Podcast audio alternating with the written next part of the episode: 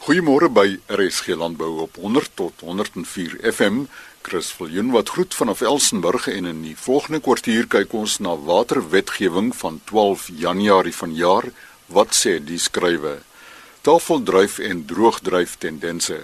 Leerlinge van die Boland Hoërlandbou Skool versorg die skool se Doenie Marino kudde en die nasionale bestuursplan vir berg sebras.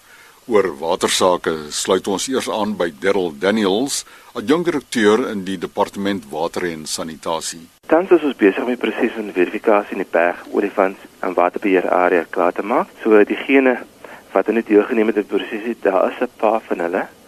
Ongelukkig volgens wetgewing is dit as jy jou water geregistreer het en jy waaraan bestaande beter water gebruik en as jy nie deelgeneem het in die proses nie. Ongelukkig is dit so dat jy nie nou kan deelneem in die proses nie en jy mag nie water gebruik uitoefen nie. Dit beteken jy sal eers die departement moet nader voor jy water kan gebruik. Jy by die oomblik in die Weskaap is daar waterbeperkings van 45% vir die ehm um, huishoudelike industriële um, sektor en dan 60% vir die landbousektor.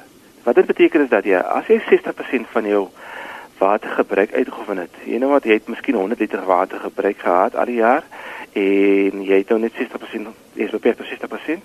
Jy het 60 liter uitgeoefen en mag nie meer as daai gebruik nie. So dit beteken dat alle sektore veral landbousektor in in, in op die bergrivier area hulle het klaar hulle 60% bereik. So ongelukkig kan hulle nie meer water gebruik vir hierdie seisoen nie. En belangrik is is dat gene wat jy weet hier op 12 Januarie 2018 het die departement 'n wetgewing uitgestuur aan die staatskoerant en die skrywe sê dat alle watergebruike as dit op bron net onttrek, boorgat, wellpoint, 'n pomp in 'n rivier moet gemeet word deur 'n elektroniese meter. So as jy water onttrek of dit huishoudelik is of dit besproeiing is, jy moet 'n meter op het as jy in die Weskaap is. Dit beteken selfs diegene in die George area, diegene in die Willem area, Bitterfontein area, Buffalo West area, jy moet 'n meter op het. Die droogte ongelukkig is nog voorsleepend. Daar's baie dinge wat ons departement doen. Van die departement se kant af doen ons net een versoek aan alle watergebruikers of enigiemand in die Weskaap om net verantwoordelik te wees as hulle water gebruik. Asseblief, wees verantwoordelik as hulle water gebruik. Adjunkdirekteur in die departement water en sanitasie, Darryl Daniels en sy e-posadres daniels.dws.gov.za. Tafeldruif en rosyne tendense. Nou hieroor praat Divan Venter, tafeldruif en rosyne verbouingstegnikus van SAPU, die Suid-Afrikaanse Plantverbeteringsorganisasie. Daar was die afgelope 3 jaar byna eksponensiële groei in die vraag na droogkultivars. Dit is hoofsaaklik as gevolg van die groot vraag in die Oranje rivier na droogdrywe waar al wyndryfblokke vervang word. Daar is verskeie nuwe kultivars wat uitstekende produksies bied en ook redelik weerstandsbiedend is teen reën en oestyd. Kultivars soos Selma Piet, Sugar 39 en Douwan bied uitstekende produksies. Die tradisionele droogkultivars soos Sultana en Mobine word ook steeds aangeplant en is steeds die ruggraat van die droogbedryf. Um, en is ook steeds die kultivars wat in die grootste volumes aangeplant is. Ons is ook tans besig met evaluering van San Muscat wat 'n nuwe laat droogkultivar is wat sover uitstekend lyk veral in die Van Reinstorp omgewing. Die droogbedryf is ook besig om redelik groot uit te brei in die Olifantsrivier omgewing wat van Reinstorp en Vredendal insluit, waar daar wyndryfblokke uitgetrek word en vervang word met droogdrywe, as ook 'n paar groot nuwe ontwikkelings wat tans aangeplant word. Dan aan die tafeldryfkant is daar 'n uh, geprojekteerde afname in produksies van ongeveer 14% wat hoofsaaklik toegeskryf kan word aan die heersende droogte in die Wes-Kaap. Daar is tans 'n baie groot verskeidenheid van nuwe kultivars wat baie makliker boer as van die tradisionele kultivars. Met ander woorde, hulle verg minder arbeid, veruitdun as ook minder behandelings om kleur en korrelgrootte op uitvoerstandaard te kry. Uit 'n swape oogpunt is ons steeds besig met die Sunwool teelprogram se kultivars wat bly uitstekende resultate oplewer. Ons is ook baie opgewonde oor van hul nuwe vrystellings wat in die pipeline is. Uit 'n plaaslike oogpunt kry ons baie goeie terugvoer oor Joybells wat 'n LNR Coldefco kultivar is wat plaaslik geteel is. Daar is oor die laaste 3 jaar byna 180 hektaar van hierdie variëteit aangeplant. Ons is ook besig met die vermeerdering van die USDA teelprogram se vyf kultivars, naamlik Autumn King, Sweet Scarlet, Scarlet Royal, Summer Royal en Princess, wat ook baie belovend lyk en waarvoor daar reeds 'n groot vraag is. Die eerste kommersiële hoeveelhede van hierdie kultivars sal komende winter beskikbaar wees. Ons is ook besig met die vermeerdering en evaluering van 'n wye reeks onderstamme wat ons vanuit die buiteland ingevoer het. Daar is redelik omvattende proef wat in die komende winter gaan afskop wat in samewerking met SATI en Provar gedoen gaan word. Baie van hierdie nuwe onderstamme is weerstandbiedend teen alwurms wat uitstekend sal wees in gebiede waar alwurms 'n ekonomiese probleem is. Laastens wil ek net sê ten spyte van die heersende droogte en uiters moeilike omstandighede is daar steeds ongelooflike positiwiteit onder produsente. Ons is almal volhoop dat dit weer sal reën en dat dit weer sal beter gaan met die landbouprodusente wat die ruggraat is van meeste dorpe in die Boland. Net jou e-posadres Divan asseblief. Dis divan@saplant.co.za. Divan Venter is tafeldryf en rosyne verbouingstegnikus van Sapo. Nou na die Hoërlandbou skool Boland vanaf een van die heuwels op die plaas Langerig self skoolhoof Chris Fourie. Ons wens bly dat hulle uit elke belewenis en ervaring iets sal leer wat vir hulle iewers in die toekoms van waarde sal wees. Die huidige droogte in die Wes-Kaap ervaar ons eerstehands op ons plaas Langerig. Ons besef dat almal saam in hierdie ding is en dat elkeen 'n positiewe bydrae en 'n verskil kan en moet maak. Al ons seuns het 'n lesing bygewoon waar tydens hulle ingelig is oor die reënvalpatrone oor die afgelope jare in ons streek en hoe dit verander het. Ja, en al is hulle nog jonk en dra hulle nog nie die verantwoordelikheid en volle nie, met groot kommer kennis geneem dat ons opbergingsfasiliteite ver te kort skiet. In spesifiek ons streek val ongeveer 90% van ons reën wanneer ons slegs 25% daarvan benodig, terwyl ons 75% van ons water in die somer gebruik wanneer slegs 10% van ons reën val. Ons seuns is ingelig en vra vra en soek oplossings. Ja, hulle is die manne van môre wat die planne moet maak en die verskil sal moet maak. Ons dryweoes is vanjaar heelwat swakker as ander jare en ons is steeds besig om te oes. Elke seun van graad 8 tot 11 kry geleentheid om te gaan dryweoes, om 'n tros drywe te pluk waaraan daar 'n jaar lank voorberei en gewerk is en met genade gegroei is en dit kan volg tot in ons eie wynkelder by die skool waar dit gepars word en die sap deur die stappe geneem word is 'n leerervaring. Ons graad 11 seuns het dan ook sopas as deel van hulle praktiese komponent van landboubestuurspraktyke ons Dine Merino skaapkudde versorg deur die lammers te doseer en hulle sterkte af te sit. Ek wil soms glo dat ons meer by die diere leer as in die klas. Graad 10 leerders is besig met die installering van 'n druppelsproeiingsstelsel terwyl graad 9 besig is om steggies te maak vir die kweek van spekbome. Interessant dat spekbome 'n besondere vermoë het om groot hoeveelhede koolstofdioksied uit die lug te neem en na suurstof om te skakel. En dit strook dan nou ook met ons skool se lese bewaar ons bodem. Ons graad 8 leerders kry dan ook die geleentheid om met hoenders te boer.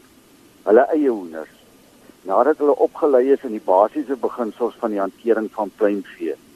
Dit is lekker om die manne soggens voor skool en saans voor studietyd onder by hulle hoenderhokke te sien en saam met hulle die opgewondenheid van 'n nuwe eier wat gelê is te ervaar. Ja, ek wil graag aanvaar dat al hierdie blootstelling en aktiwiteite bydra om leiers, manne wat nie net gaan doen wat ander al gedoen het nie, maar met nuwe planne en uitvindsels vorendag gaan kom vir ons land en ons toekoms te kweek. Chris Fourie, hoof van die Hoërlandbou skool Boland, die skool se telefoonnommer 0218698143. Die nasionale bestuursplan vir Bergsebras. Ons verneem by Jaco van Deventer, senior bestuurder wildlewe bestuur van Cape Nature. Die Kaapse bergsebra is een van ons vlaggenskap spesies en uh, ook saam met die bontebok en uh, die grootste natuurlike verspreidingsgebied van hierdie diere val binne die Weskaap. Nou ons het basies drie populasies, die kradok populasie en dan twee baie unieke populasies in Kamanassi en die Gamkaberg populasie. Toe die Kaapse bergsebras destyds begin min raak het en daar probleme was, het nasionale parke letterlik 'n handjie vol van hierdie diere in die Bergkwagga Nasionale Park ge, um, geplaas naby Kraddock.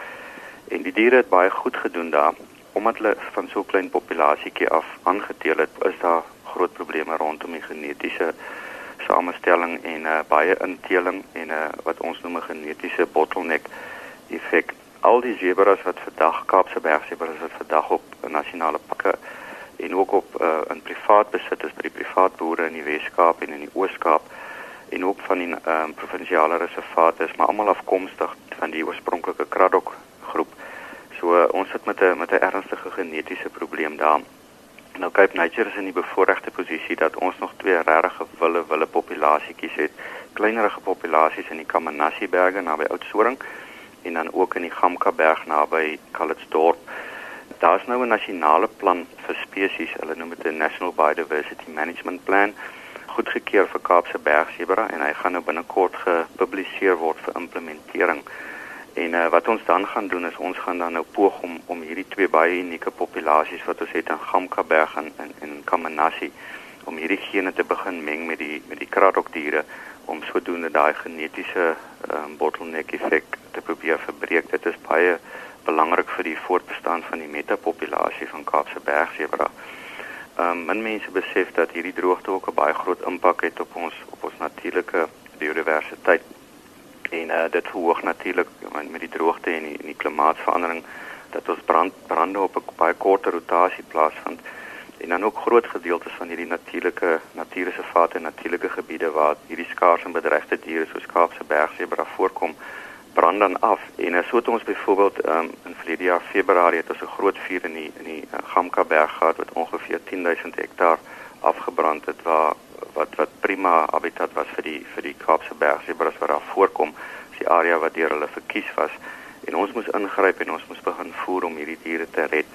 Hulle is afhanklik om daagliks vars drinkwater te kry.